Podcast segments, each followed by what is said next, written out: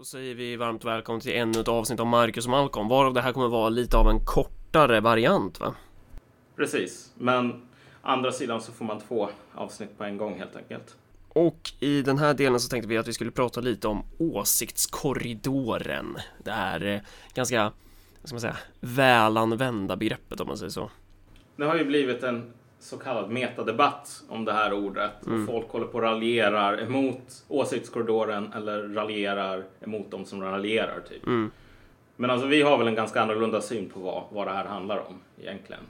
Vi skulle väl nästan kunna förklara det här som en bubbla egentligen va? Ja men precis, på ett plan.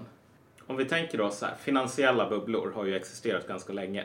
Folk blir galna och tänker jag kan bli miljonär ungefär. Mm. Och så investerar de i någonting. Om det är ett handelsbolag eller om det är i Enron eller om det är i en Tulpaner. internetsida. Ja, tulpaner var typ den första grejen. Ja. Folk sålde sina hus, sina familjer i slaveri nästan för att köpa mer tulpaner för att de ökar i värde hela tiden. Mm. Och de där grejerna kraschar ju alltid. Alltså spekulativa bubblor kraschar alltid. Och då är det massor med människor som blir ruinerade, som tar livet av sig, allting sådant. Liksom. Liv förstörs. Och efter att de här bubblorna kraschar så brukar det vara någon sorts diskussion där man hittar anledningen till hur kunde det här hända? Och det slående är att alla vill alltid hitta någon sån här elak bankir eller ofta också liksom en sån här sniken jude ungefär som ansvarar för det här. Och så är det en eller två personer som säger, men vänta lite nu, det var ju inte den här elaka bankiren som tvingade en person som jobbar på dagis Mm. att låna 4 miljoner dollar och köpa typ fem lägenheter och bara försöka flippa dem för ett högre pris. Det var ju inte en bankir. Nej. Utan den här bubblan funkade ju bara på grund av att det fanns ett brett underlag för den typ. Och det är just den här aspekten hos människan, liksom, den här förmågan att följa med i flocken och bli en del av den här euforin. Som alltid krävs för en spekulativ bubbla och som ingen efteråt vill tala om typ. Och vi tror väl att det är ungefär samma sak här när det gäller just, inte direkt, ja, det som folk kallar åsiktskorridoren typ. Det är samma sorts beteende mer eller mindre. Ja, liksom desto mer ohållbart det blir, desto mer så här, ju mer man blåser upp den, desto mer måste man hålla i den sen, desto mer desperat är man i att hålla fast vid den. Exakt. För det här är också den andra grejen med såna här finansiella bubblor. Att de ser alltid ungefär likadana ut. Mm. Och varje gång så är det någon som säger, ja men vet du vad, det här ser precis ut som en spekulativ bubbla. Vi har haft typ 500 sådana genom historien redan. Ja. Inget är nytt. Och då säger någon, nej, du, gud vad dum du är som inte tror, förstår du inte att liksom, och så kommer det någon förklaring. Så att, och så kommer den här bubblan närmare och närmare att spricka och då blir de här rösterna som skriker att alltså, allting är nytt, allting är liksom, förändrat. De blir högre och gällare typ. Och det är precis där som vi är idag i Sverige när det gäller alltså, ganska många saker, men, men främst det här med invandringsfrågan som nu har blivit en sådan het potatis typ. Att det liksom blir nästan som en bubbla som spricker till slut. Men exakt, Mm. just på grund av att så här, man fick från början höra att det skulle inte bli några problem. Mm. Och sen så kommer de här problemen som ett jävla brev på posten och det är inte någonting som är så här, var omöjligt att förutspå från början. Nej. Men som sagt, att en bu- spekulativ bubbla spricker är inte heller omöjligt att förutspå. Utan det finns en aktiv process hos människan som gör att vi lurar oss själva till att säga att allt är annorlunda nu ungefär. Mm. En grej med just åsiktskorridoren, det finns ju många grejer som man brukar räkna dit va. Men, men eh, det här med brottsstatistik är ju, är ju en sån het potatis nu som man håller på och snackar om. Man har ju tidigare fört, eh, alltså det, det förs ju statistik på eh, vad ska man säga, etnicitet eller om, om, om man är invandrare eller inte när man begår brott. Bara man kan se ganska tydligt att i vissa brott så finns det en överrepresentation av invandrare. Eh, och grejen är nu vill man ju inte släppa man vill ju inte göra en ny version på det här igen nu efter flyktingvågen och sådär. Eh, Och frågan är ju varför det kan vara så farligt. Varför, varför man eh, håller så hårt i de här siffrorna.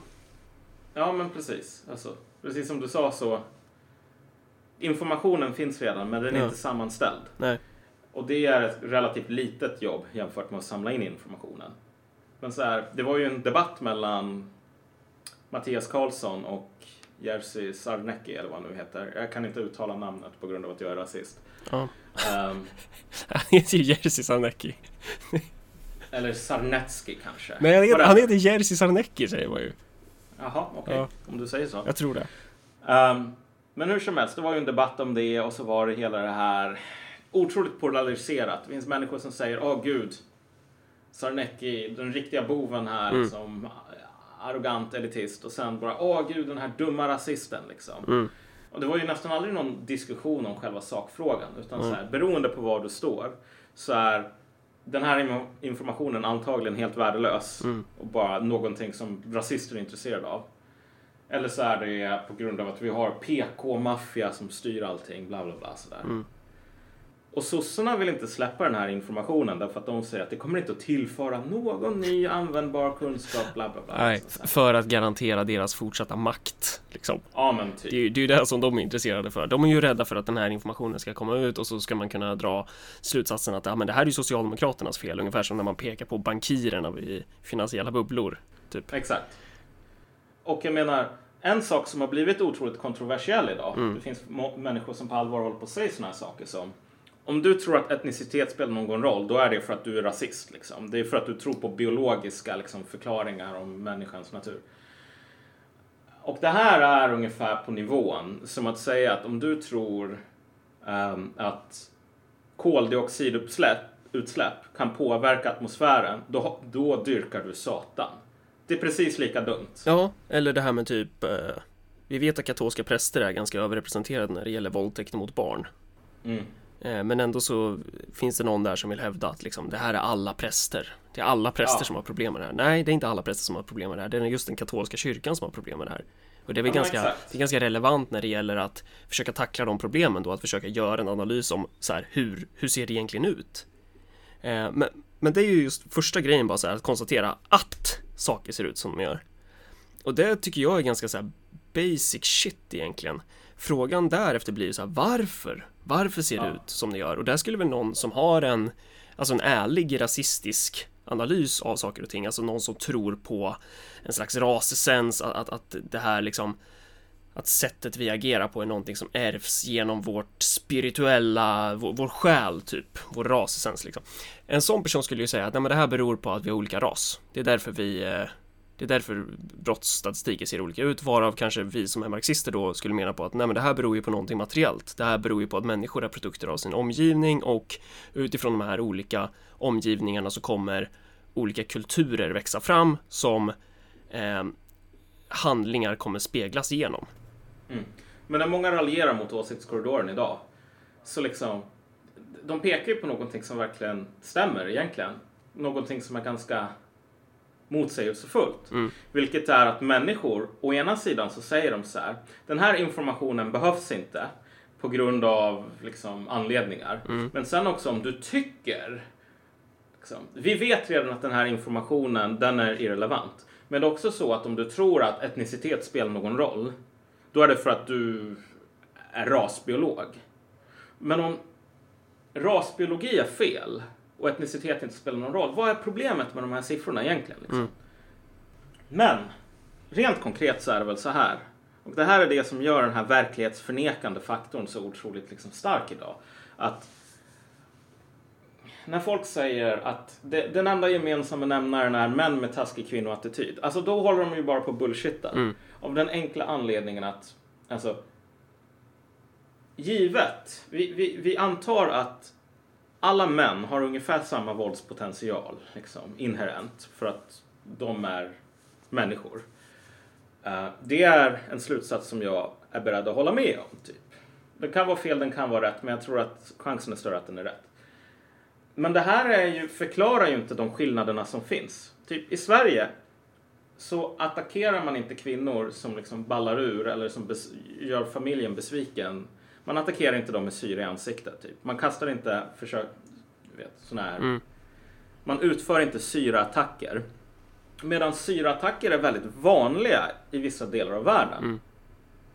Och om vi bara säger så här att den enda gemensamma nämnaren som är intressant i världen, det är typ män. Så här. Kromosompar. Då kan vi inte förklara varför syraattacker inte sker i Sverige. Mm. Därför att män är ju fortfarande män i Sverige, eller hur? Utan du kan förklara de här sakerna genom att säga att våld, man, mäns våld mot kvinnor, mäns våld mot andra män, kvinnors våld också för den delen. Potentialen kanske är densamma bland alla människor, men de här sakerna filtreras hela tiden genom olika kulturella normer liknande. Mm. Varav de kulturerna inte är resultat av rasessens utan av någonting materiellt som till exempel om man har vuxit upp i ett klansamhälle kontra ett sekulärt eh, samhälle som Sverige typ eller vad det nu kan vara. Ja, precis. Men på vissa ställen i världen så kan man verkligen förolämpa människors manlighet genom att liksom säga att ja, du är homosexuell ungefär. Det är någonting som är nog för att folk ska liksom dra kniv. Mm. Det finns förolämpningar i Sverige som är nog för att folk ska dra kniv. Jag kan inte dra någon till minnes just här och nu, men det beror väl lite grann på kontext. Mm. Men det är väldigt sällan alltså så här, att anfallsvinkeln är densamma. För att det finns andra föreställningar, typ. Alltså om man nu är intresserad av att lösa problemen då måste man väl faktiskt kunna diskutera dem vetenskapligt. Ja, men exakt. Det är så här, givet att det finns syraattacker i Filippinerna till exempel, men inte i Sverige, Ja. så är det också ett väldigt resonabelt antagande att göra att alltså, mäns attityder mot kvinnor och liksom de situationer som är provocerande eller tvingar fram våld Mm.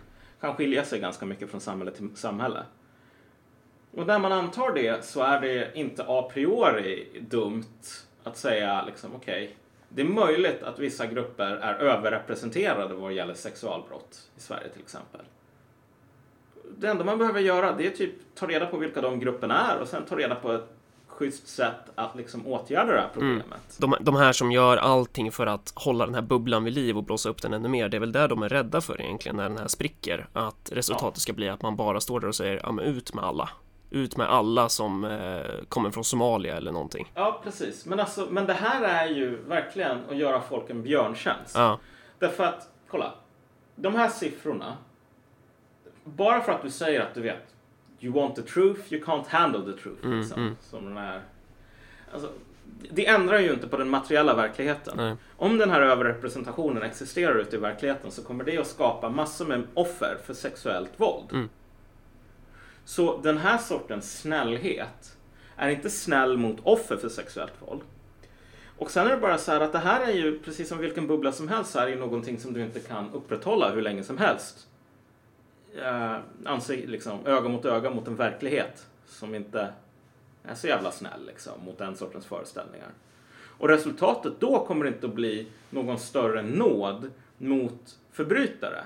De här människorna kommer att lynchas. Liksom.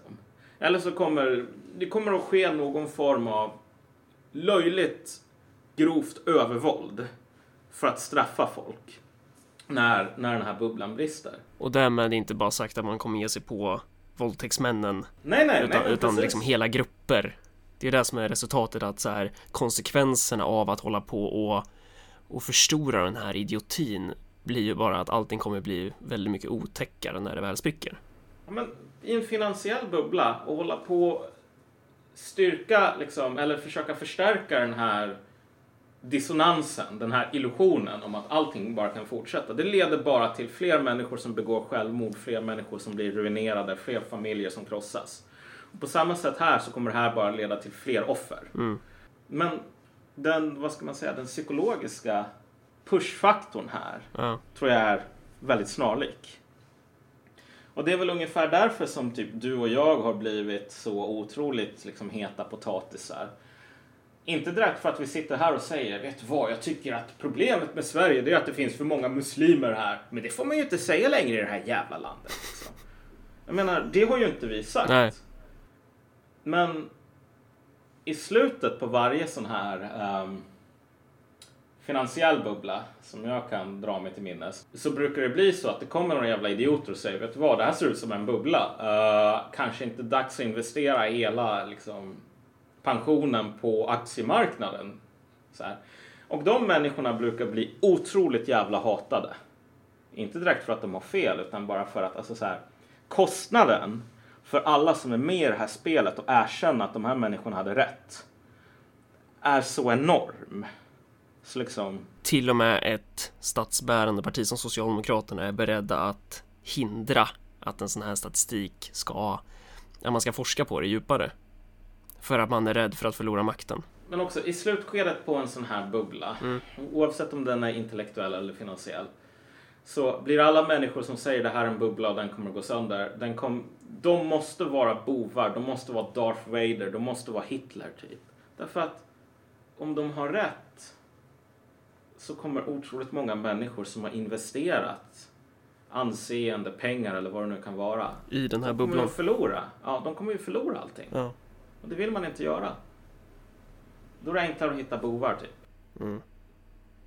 Det är då det är skönt att vara marxist. Sitta här och, och förklara. Det här är en kris. Det kommer gå åt helvete med allt.